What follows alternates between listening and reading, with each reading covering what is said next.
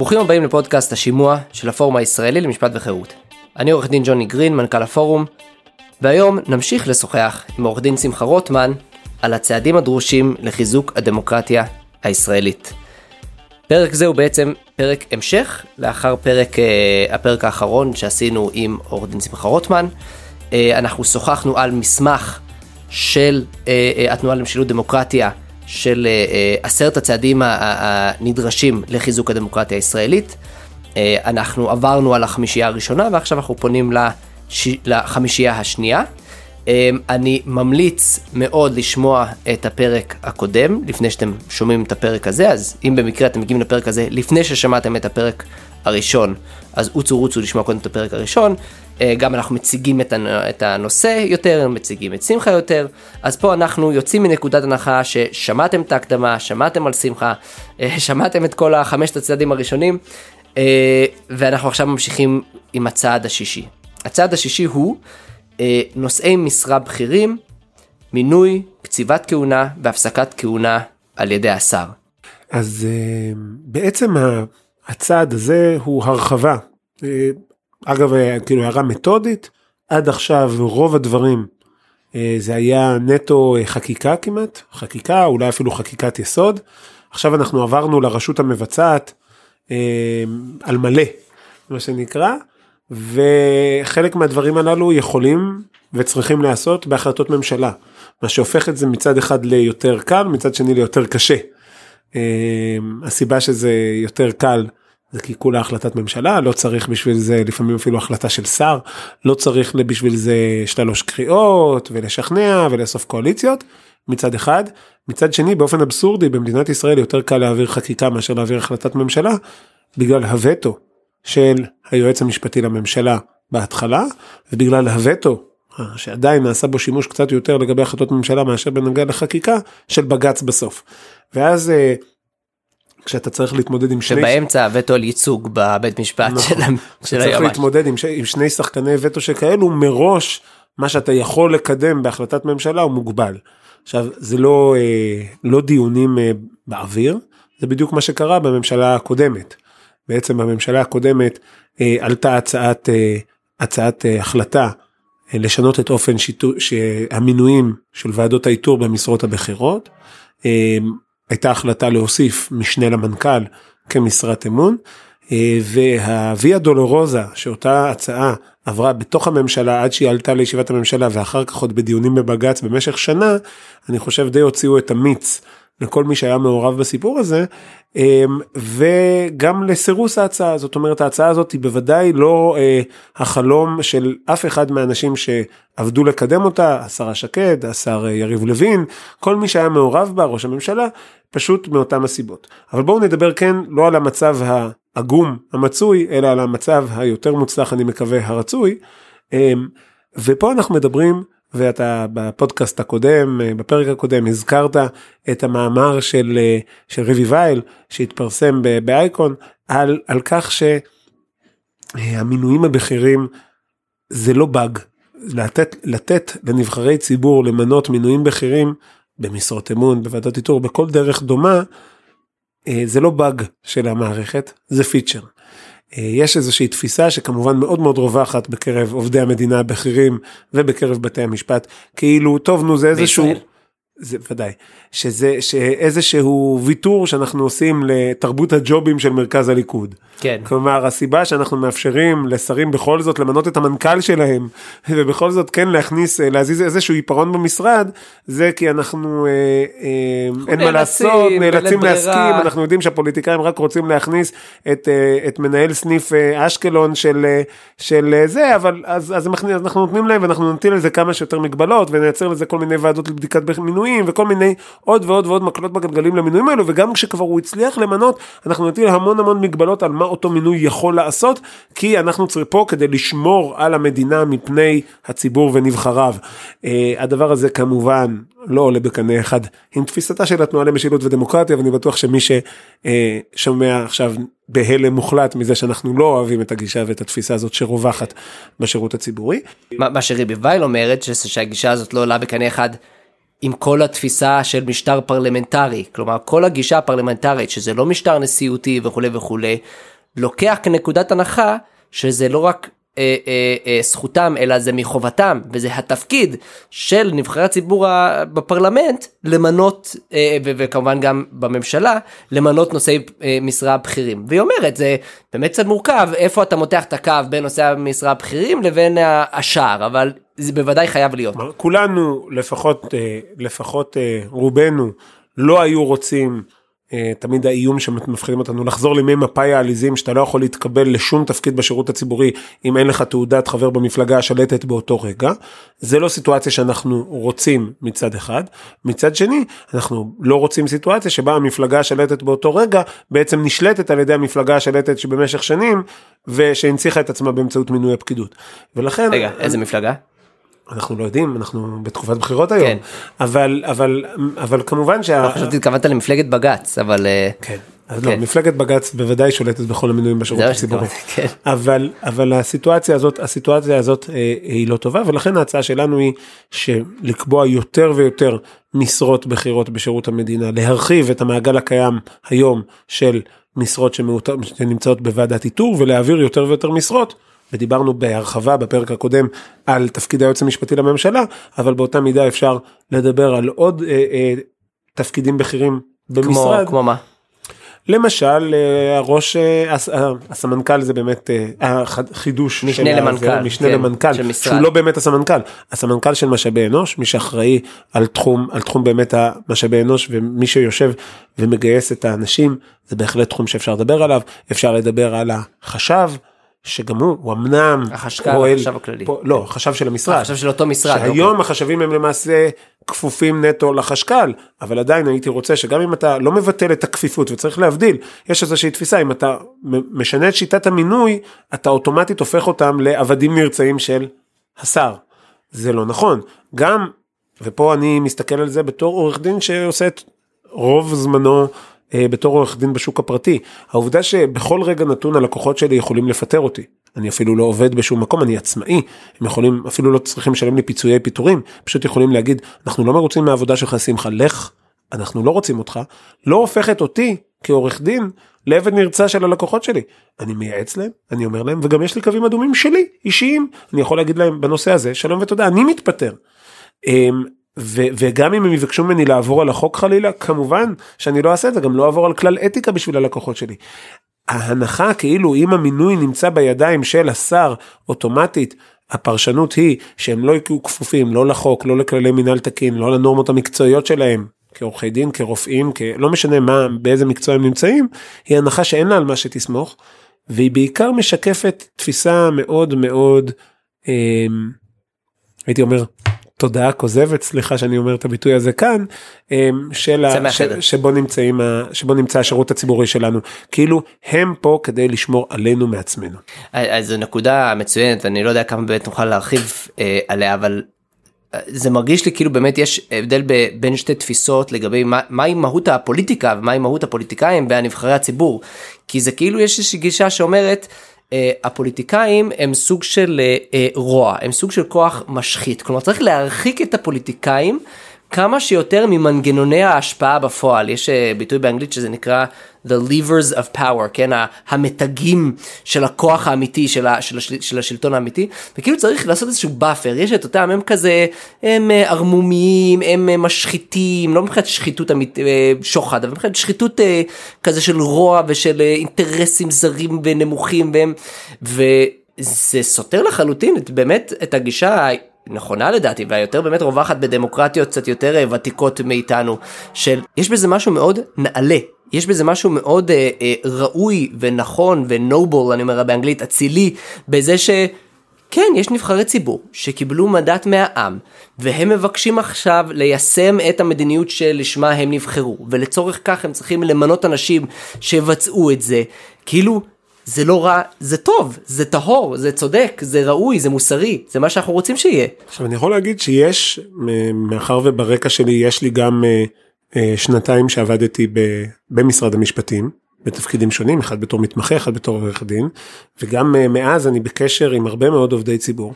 יש עובדי ציבור היום במדינה שיש להם את התפיסה הנכונה הזאת, שכאשר מתחלף שר הם הופכים להיות באמת ובתמים משרתי ציבור נאמנים שמנסים לעזור לשר בכל כוחם ומתמסרים לכך לקדם את המדיניות גם אם הם לא, לא מאמינים במאומה במדיניות שהוא מקדם מתוך תפיסת נאמנות שכזו אנחנו, חוזרים קצת למילה נאמנות.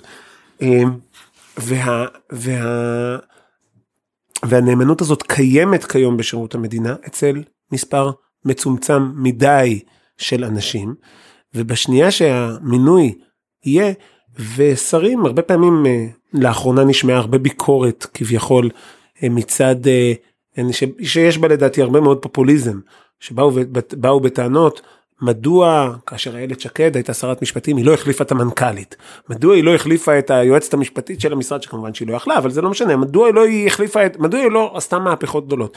אני חושב שיש אפשרות להחליף מנכ"ל ולקבל אה, אולי תוצר אחר ו- אבל עצם האפשרות שקיימת להחליף מנכ"ל גורמת למנכ"לית מעולה כמו שהייתה אמי פלמור מנכ"לית משרד המשפטים שהייתה מנכ"לית מצוינת באמת באמת ובתמים לעבוד במסירות גם עבור השרה ציפי לבני וגם עבור השרה איילת שקד ואם היה ניתן לה הזדמנות היא גם הייתה יכולה להמשיך גם, גם עם השר אוחנה בנאמנות מלאה כמשרתת ציבור טובה אז כמובן שהייתה נותנת את הניואנסים שלה, כמו כל אדם, ואם יש לך בן אדם שיכול לעשות עבודה יותר טוב, קח אותו, למה לא?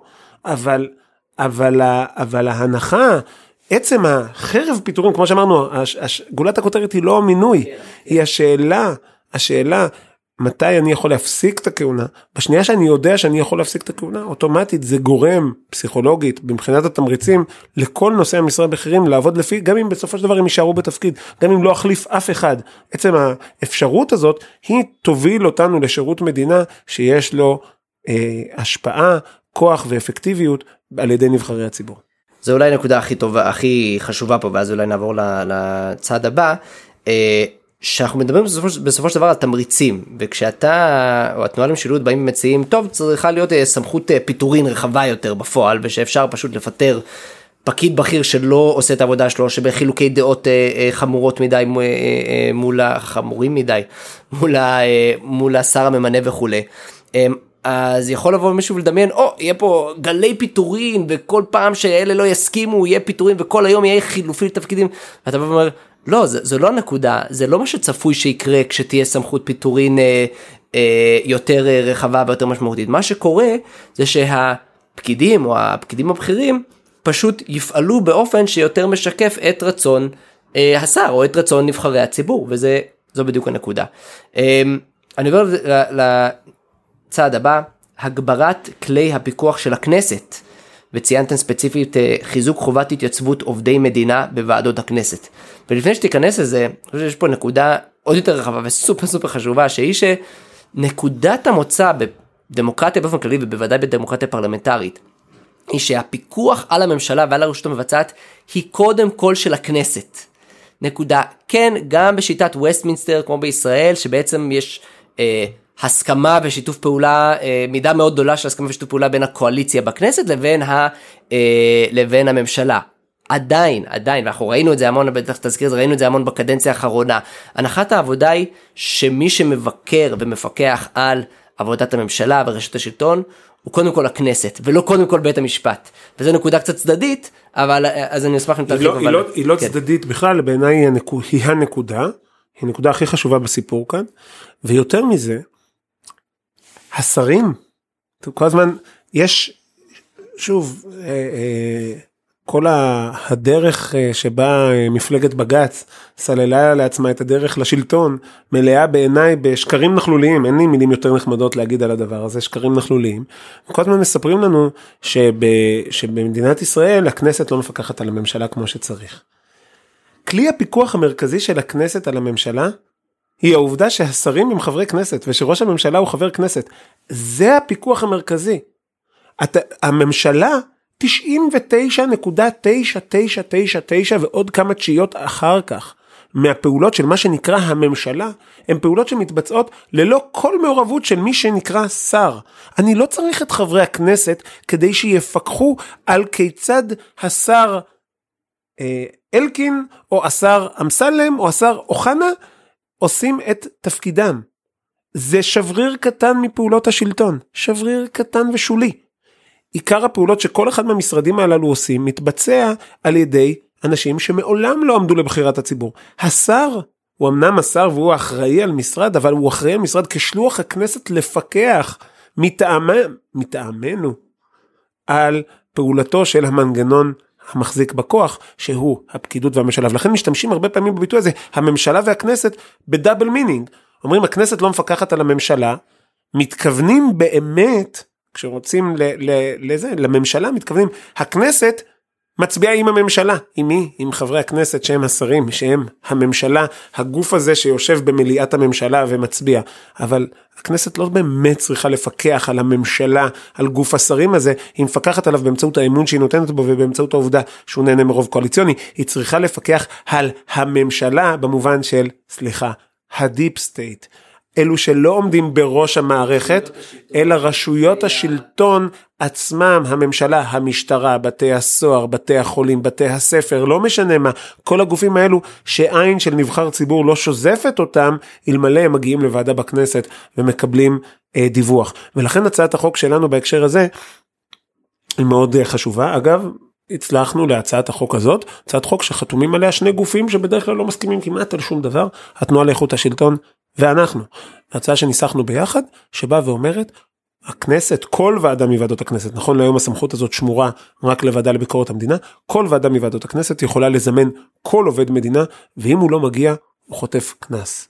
הוא, יש לו אחריות אישית על הדבר הזה, זה לא דבר שבו אה, אה, הוא יכול להתעלם. היום, לא להגיע לוועדה בכנסת שקוראת לך זו עבירה משמעתית.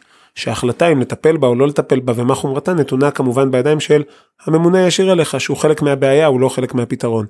אנחנו רוצים לייצר וזה דבר שקיים בהרבה פרלמנטים בעולם. סמכות אנחנו רואים את זה בשימועים בסנאט contempt of parliament. סבינה יש ספינה כן. אפשר לתת צווים להתייצב לענות לשאלות לספק מידע ושאלות ואם אתה לא עושה את זה אתה לא יכול להישאר חלק משירות המדינה כי אתה לא נותן דין וחשבון לריבון היא הכנסת. זה, זה, במדינות אחרות זה כמעט מובן מאליו שוועדות הפרלמנט לא רק שמותר להם לזמן עדים אה, או לזמן אה, אנשים שיבואו וידברו ויעידו בוודאי אה, עובדי מדינה או אנשים שהם חלק מרשות שלטונית אבל יש לזה שיניים הם יכולים לחייב אותך ואם לא תעשה את זה יהיו סנקציות וזה דבר שבעצם אתה אומר שהוא כל כך חסר בוועדות uh, בכנסת. כמובן בגלל שאנחנו כל כך נמצאים בתוך תרבות שמפחידה אותנו ממה יקרה אם ניתן כוח לנבחרי ציבור אז אנחנו זה מנוסח בעדינות וזה צעד קטן ואפשר יהיה לערער ואפשר יהיה לתת פה ו... אבל בסופו של דבר זה מעביר אותנו באמת למקום שהטענה המרכזית כלפי הכנסת שהיא לא מפקחת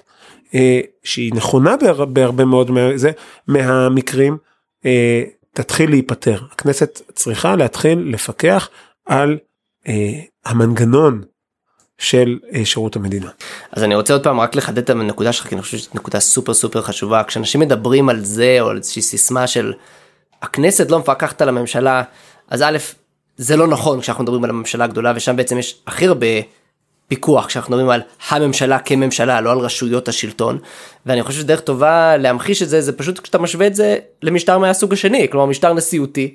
שם באמת הפרלמנט לא מפקח על, אה, על הרשות המבצעת, הרשות המבצעת יש לו הרבה יותר חופש פעולה, הרבה יותר אה, שיקול דעת, הוא עושה כמעט כל מה שעולה על רוחו, הוא יכול לעשות דברים בסתירה מוחלטת לרצונה של, אה, של, של, של, של בית המחוקקים, כאילו של, של בית הנבחרים, ואז אתה משווה את זה לישראל או למשטר פרלמנטרי בשיטת וסטמינסטר כמו שלנו, אתה אומר אוקיי אז ברור הפיקוח הוא מובנה הוא כמעט הפיקוח, מובן מאליו. הפיקוח הוא מובנה יותר מזה כל פעם הוויכוח הזה וכל פעם אני אני שוב אני אומר שקרים נכלוליים כי אני לא מצליח להצליח לא מצליח להבין על מי הם עובדים בסיפור הזה.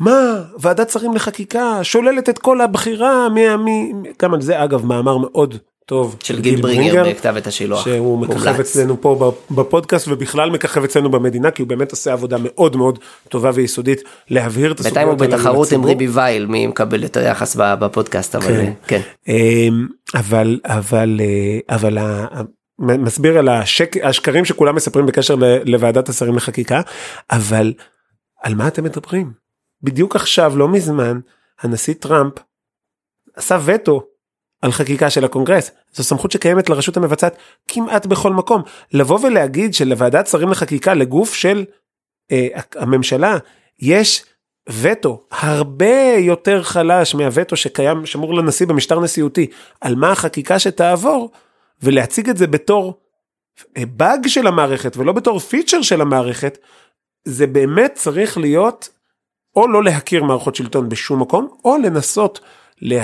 באמצעות עשן ומראות להסב את תשומת ליבנו מהעובדה שבית המשפט לוקח לעצמו סמכויות. זה שתי האפשרויות הלגיטימיות היחידות שאני רואה לדבר הזה שכל כך נפוץ בשיח על ועדת השרים לחקיקה וכמובן שבמישור העובדתי חוקים רבים עברו בוועדת שרים בחקיקה ולא עברו בכנסת, חוקים רבים לא עברו בוועדת שרים בחקיקה וכן עברו בכנסת, וכן הלאה וכן להפך, ולכן הטענה הזאת גם עובדתית לא נכונה, אבל גם לו היא הייתה נכונה ולוועדת שרים לחקיקה באמת היה וטו על חקיקה, הווטו הזה הוא חלש יחסית לווטו שקיים לרשות מבצעת במקומות אחרים בעולם. אני סוגר את הסוגריים של ועדת שרים לחקיקה פשוט כי זה נושא כל כך טוב וכל כך מעניין אבל אנחנו לא, באמת לא נעמיק בזה יותר עכשיו ובאמת מומלץ המאמר של גיל ברינגר בכתב את השילוח על ועדת שרים לחקיקה. אמ, אני, אבל חשוב עוד יותר להדגיש את החלק השני של הטיעון שלך, שהוא אפילו עוד יותר חזק, שאומר כך, זה הטענה שהכנסת לא מפקחת מספיק על הממשלה היא כן נכונה כשאנחנו מדברים על רשויות השלטון לא בדרג הנבחר לא ברמת השרים והפקידים הממונים הכי בכירים שהם משרות אמון וכאלה אלא כשאנחנו מדברים על אה, דרגי הביניים בעצם אני גם לא מדבר על אה, פקח החנייה ועל אה, אוסף ה... ועל אוסף הזבל אה, אה, וכולי וכולי. אנחנו מדברים, או כן, מה הדוגמה של השופט עמית בפסק דין, אה, נתניה לא זוכר, כן, הבודק, קורא מדעי המים. קורא מדעי המים. בואו לא נדבר על זה, אבל בעצם קורא מדעי המים.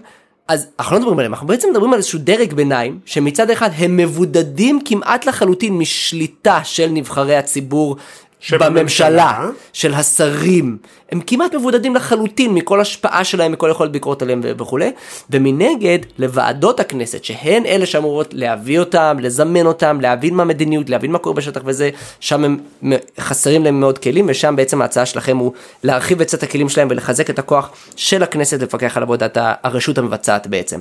אני עובר לנושא הבא עד כמה שזה הייתי רוצה להמשיך בנושא הזה. אה, יש לנו בעצם עוד שלושה נושאים ואנחנו אה, עכשיו צוללים אליהם. מספר 8 זה הגדלת מספר חברי הכנסת ל-180. טוב, אז זה באמת הנושא שמרים הכי הרבה גבות אה, בחוברת שלנו ובכלל, מה חברי כנסת כל כך הרבה, כל כך פה, זה כמה זה יעלה ומה אתה רוצה ומה התועלת והנה והכנסת לא יעילה ואתה עוד רוצה להגדיל אותה. ו... אז אני אומר דבר ראשון, אה, הכנסת היא אכן היום לא יעילה בעיקר בגלל העומס האדיר שנמצא על הח"כים. בשיח הציבורי ופה שוב חלק משמעותי מה... מהכוח האדיר שהגורמים הלא נבחרים לקחו על חיינו היא באמצעות השחתת דמותם של הנבחרים.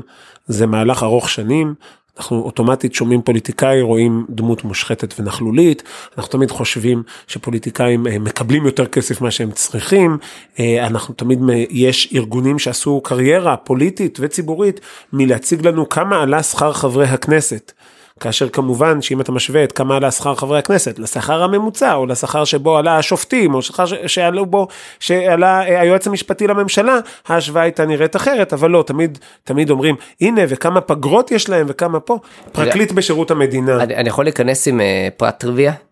פרט טריוויה ממש לא קשור אבל סתם משעשע למאזינים שלנו אני הייתי פעם בתוכנית 1 נגד 100 הייתי עם אברי גלעד הייתי האחד והיה לי הלך לי די יפה ואז נפלתי בשאלה של מהו אה, שכר של חברי כנסת. נפלתי חזק אבל בוא וזהו סתם אמרת שכר חברי כנסת נזכרתי בזה אז כן סליחה תמשיך. לצורך העניין כמה אנשים יודעים שפרקליט אה, בשירות המדינה במחלקת בג"צים או במחלקה הפלילית אה, הארצית מקבל שכר חלקם הגדול מקבל שכר שהוא גבוה משכר חברי כנסת יש להם 70 ימי חופש בשנה. ואגב מגיע להם כן, אני אה, לא מתלונן, כן. אבל, אבל אני לא מתלונן חלילה, אני רק אומר שהשיח הפופולרי כל הזמן... גילוי נאות אשתי פרקליטה, אבל לא, לא בדרגים שהיא מקבלת שכר כזה, אל תדאגו. אה, כן. לא, זה היועץ המשפטי שמקבל כמעט פי שניים מחבר כנסת, היועץ המשפטי לממשלה, שופט עליון, כל הדברים האלו, מקבלים סכומים גדולים מאוד.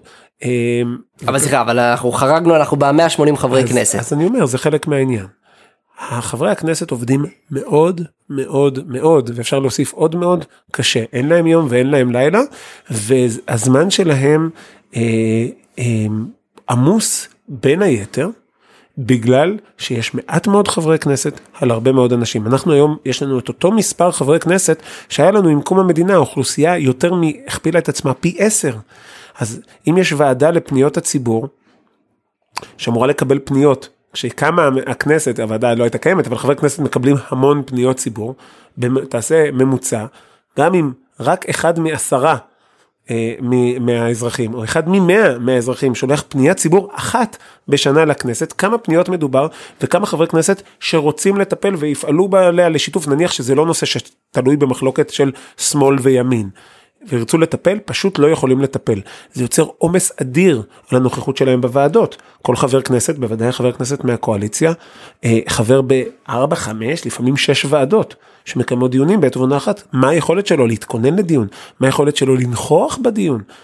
אה, כמובן שחלק מהנושא זה גם החוק הנורבגי מה שנקרא, לאפשר לשרים להיות שרים ולא להיות חברי כנסת. להיות חברי כנסת, שזה איזה מנגנון שקצת קשור לנושא שדיברנו עליו קודם, שמצד אחד קצת פוגע בפיקוח, מצד שני מאפשר לך יותר חברי כנסת לטובת עבודת הפיקוח, אז יש איזשהו give and take בדבר הזה, אבל בסופו של דבר כשאתה בוחן בהשוואה בינלאומית, בישראל מספר חברי הכנסת לאדם וגם אם אתה משווה את זה כמובן ביחס לתל"ג, כי, כי אתה צריך לממן את כל חברי הכנסת הללו, גם ביחס לתל"ג וגם ביחס לאוכלוסייה, מספר חברי הכנסת שלנו נמוך מאוד, הממוצע שאנחנו... יש מחקר ש... יש, יש על זה מחקר של המכון הישראלי לדמוקרטיה ושל גופים אחרים, גם אה, לדעתי יש גם מסמך של הממ"מ, אבל אנחנו בפער גדול משאר זה, ואני אפילו לא סופר את זה שברוב המדינות בעולם, ויש את זה גם מחקר שלנו בתנועה למשילות שעשינו, כאשר מדברים על חברי פרלמנט, שוכחים שיש שלוש רמות שונות של פרלמנטים או של נבחרי ציבור אצלנו יש כנסת אחת וזהו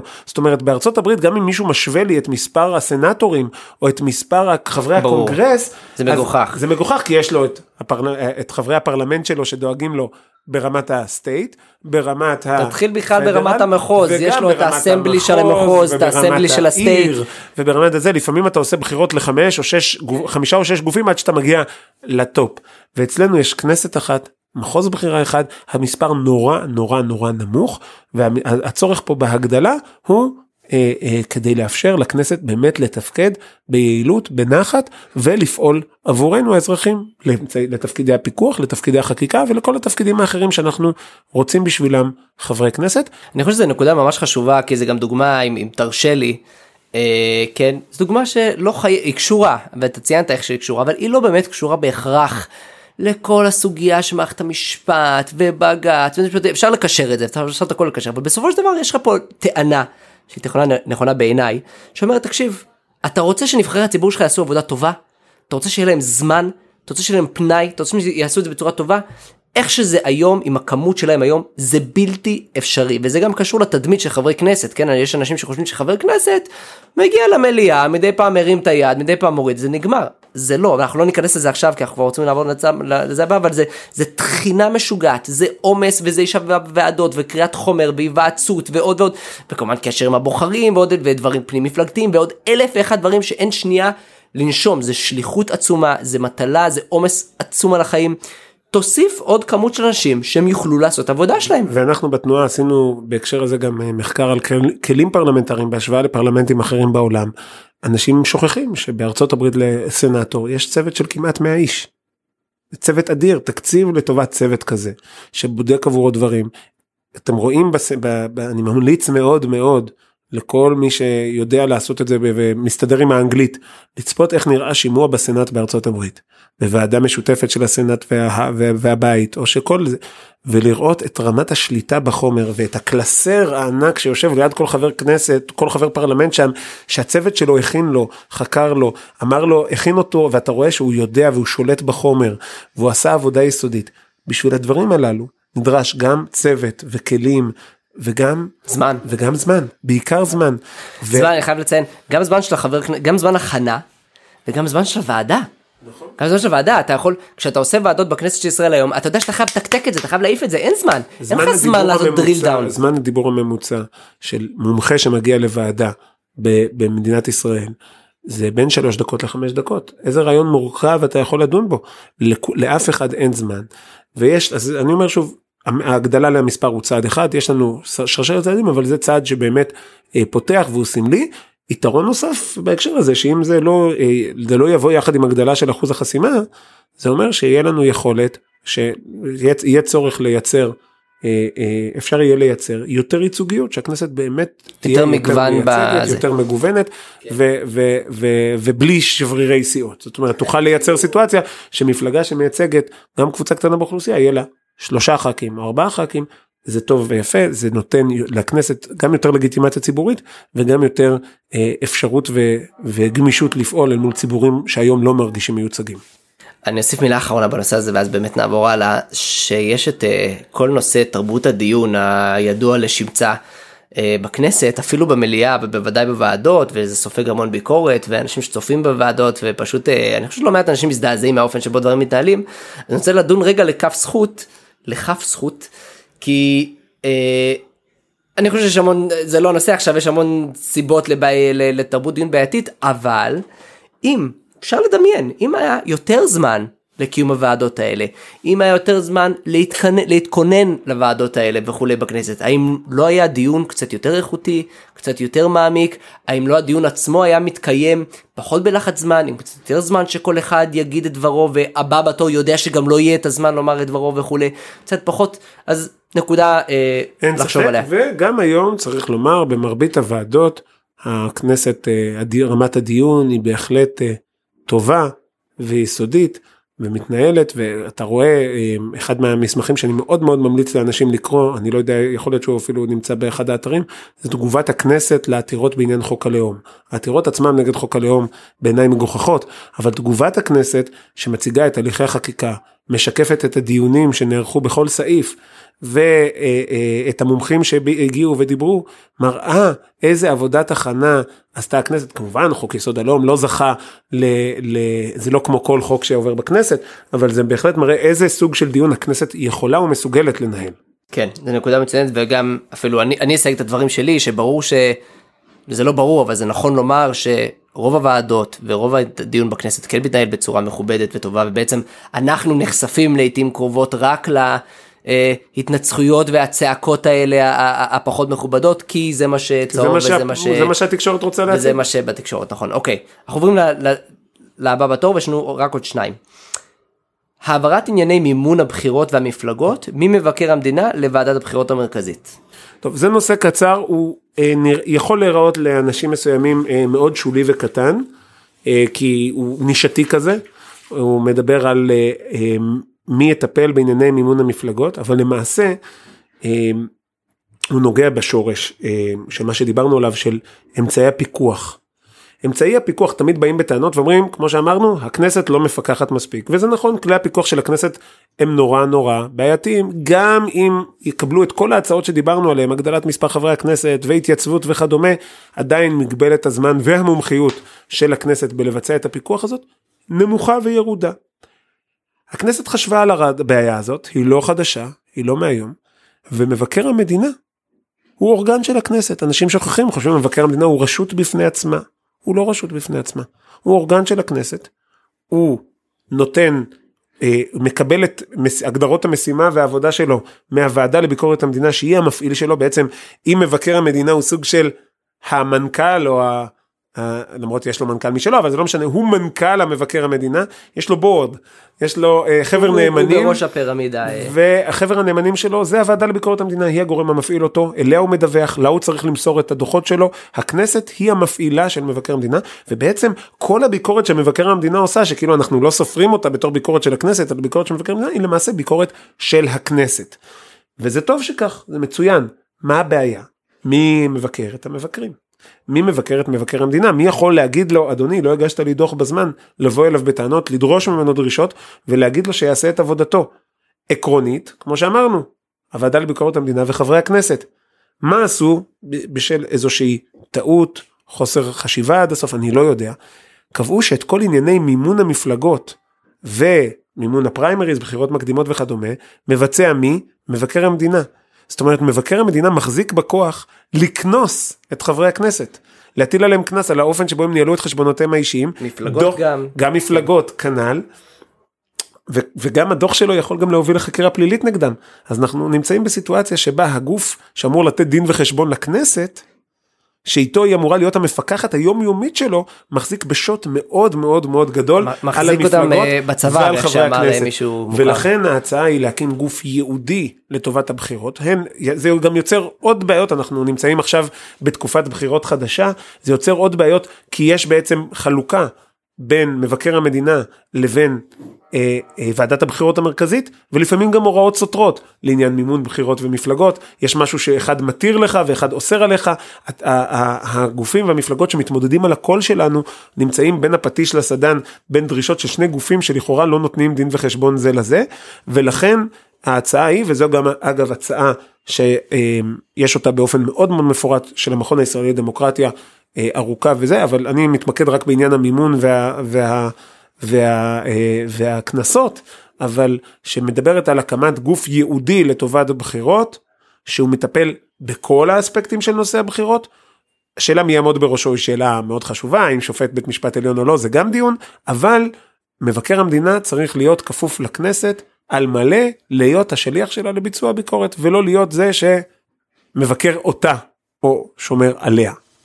הצעד האחרון שברשימה של התנועה למשילות ודמוקרטיה שלך היא חקיקה ברורה בתחום ניגוד העניינים והשוואת כללי ניגוד העניינים לשופטים ולנבחרי ועובדי ציבור.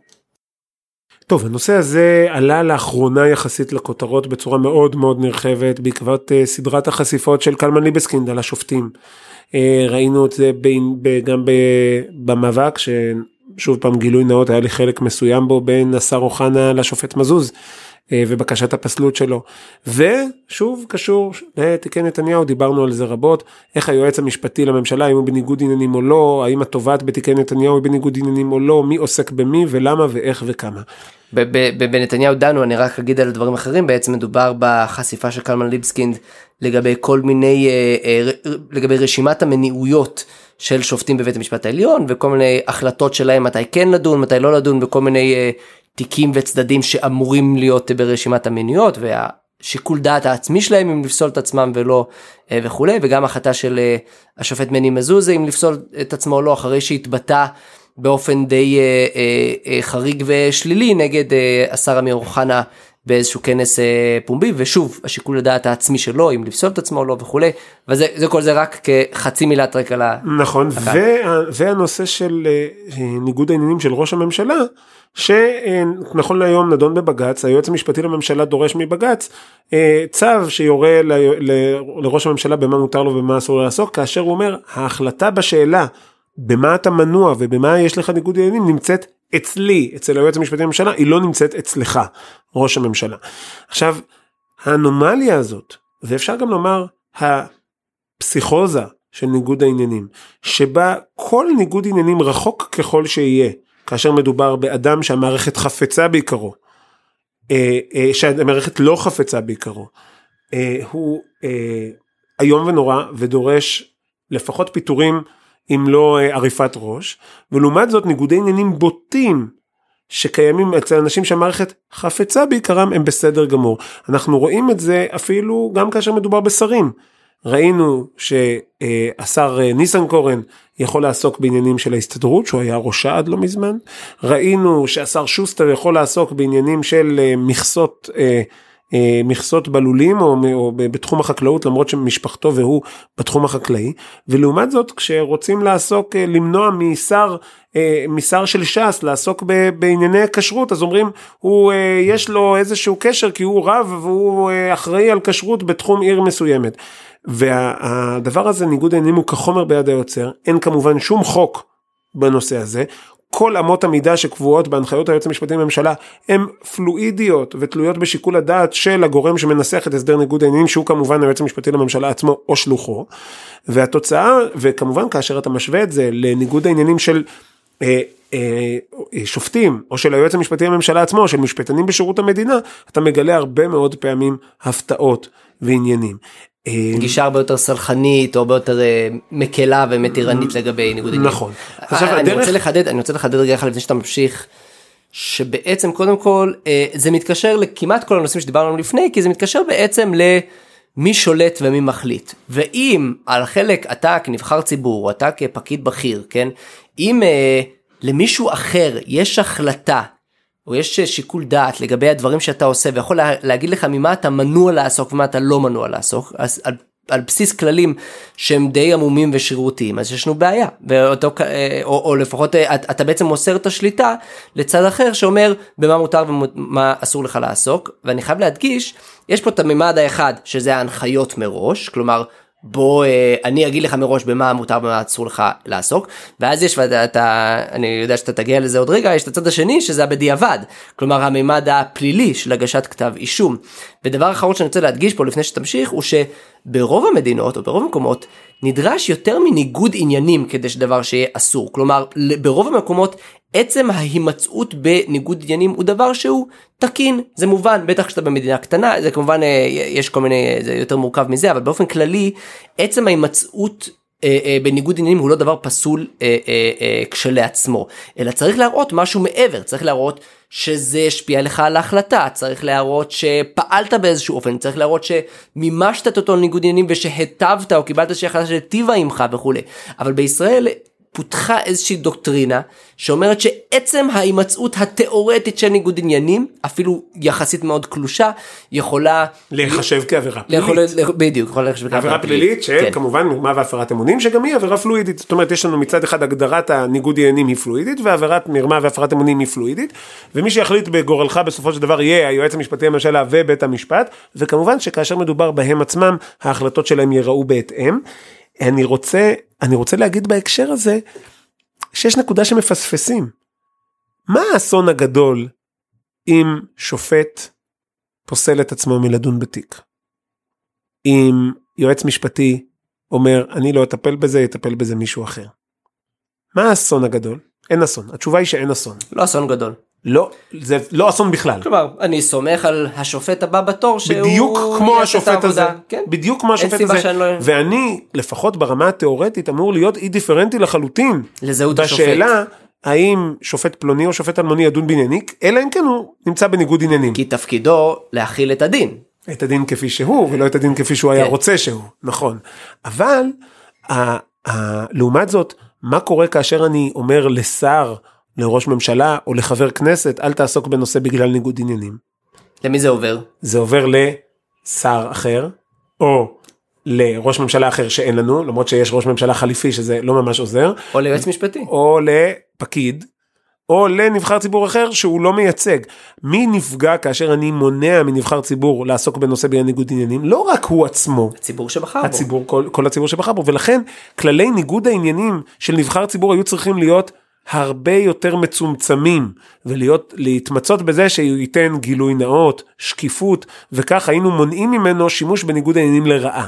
לא, מה קורה באמת בפועל במדינת ישראל? ההפך לגמרי. בניגוד עניינים של נבחרי ציבור אנחנו מחמירים עד מאוד כי בגלל תפיסה שדיברנו עליה לאורך הפודקאסט הזה כמה וכמה פעמים וכאשר מדובר בניגוד עניינים של פקיד אנחנו אומרים אוי ואבוי מה יקרה אם שופט לא ידון בתיק החובה הזכות לשבת בדין היא חובה לשבת בדין שופט לא יכול לפתור את עצמו ואנחנו מגלים עוד ועוד מקרים שבהם תיקים שלא היו צריכים להגיע לשופט שופט לא פוסל את עצמו.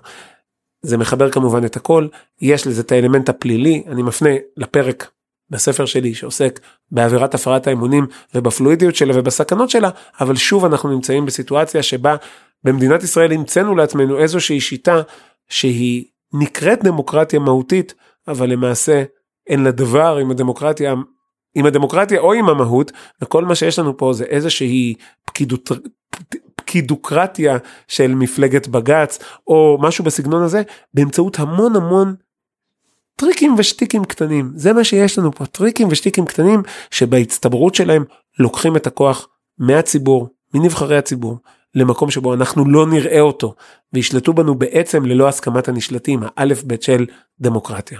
תודה רבה אני חושב שמצוין אה, אפשר אה, לסיים אה, עם הנקודה הזאת. תודה רבה שוב לעורך דין שמחה רוטמן. תודה שהזמנתם אותי וכיף גדול. מקווה שנעשה זאת שוב אה, זה בעצם היה הפרק השני מתוך שניים אני מזכיר למאזינים אה, לשמוע את הפרק הראשון גם אה, בנושא הזה עברנו בעצם על עשרת הצעדים לחיזוק הדמוקרטיה הצעדים הקונקרטיים של התנועה למשילות דמוקרטיה לחיזוק הדמוקרטיה בישראל. אני רוצה להגיד ואני אם יורשה לי לנצל את הבמה החשובה הזאת התוכנית של התנועה למשילות ודמוקרטיה כמו גם uh, היוזמות חקיקה הספציפיות והפעילות שלנו לקדם אותה תלויות בסופו של דבר בכם גם בכם בדרך שבה אתם uh, תהיו שותפים לפעילות התנועה בלייקים ובשיתופים וב... בכם המאזינים. וב, בכם המאזינים כמובן. ב, ב, בלייקים בשיתופים בפניות לנבחרי ציבור בחתימה על עצומות שהתנועה עושה וכדומה וגם בכם במובן של אה, סליחה על המילה הגסה שותפות בתרומה בכסף. כי התנועה למשילות דמוקרטיה כל מה שיש לה זה מה שהציבור אה, ייתן לה ויעשה איתה. אה, ואני באמת בזכות התמיכה שיש לנו היום ושתהיה לנו גם בהמשך אה, חלק גדול מהצעדים שדיברנו עליהם פה לא נשארו על הנייר. הם באמת הגיעו כמו שאמרתי לך חלק הגיעו להסכמים קואליציוניים חלק הגיעו ליוזמות חקיקה חלק הגיעו להחלטות ממשלה בדרכים שונות ובדר... ו... ו... והכוח של הציבור אחרי הכל כמה שאנחנו יכולים לקטר על מפלגת בג"ץ הכוח של הציבור בסופו של דבר מביא שינוי בדמוקרטיה. מצוין אז שוב תודה רבה ובאמת למאזינים אה, שרוצים יש את אה, האתר של התנועה למשילות ודמוקרטיה הפייסבוק הטוויטר שלהם יש את הפייסבוק ואת הטוויטר האישי של אה, עורך דין שמחה רוטמן מומלץ בחום. תודה רבה לכל המאזינים אני אזמין אתכם להצטרף לפורום הישראלי למשפט וחירות לעשות לנו לייק בעמוד הפייסבוק להצטרף כחברים באתר שלנו לא forum.org.il אה, נשמח תמיד לקבל כל פידבק, אה, המלצות לנושאים ולמרואיינים, הצעות לפעילות של הפורום וכל דבר אחר. לבסוף, אני אזכיר אה, שהפורום לא נוקט עמדה רשמית בסוגיות אקטואליות ואינו תומך במהלכי מדיניות ספציפיים. כל עמדה או דעה המוצגת במסגרת הפעילות שלנו היא של מביע העמדה או הדעה בלבד. זהו, נשתמע בפרק הבא.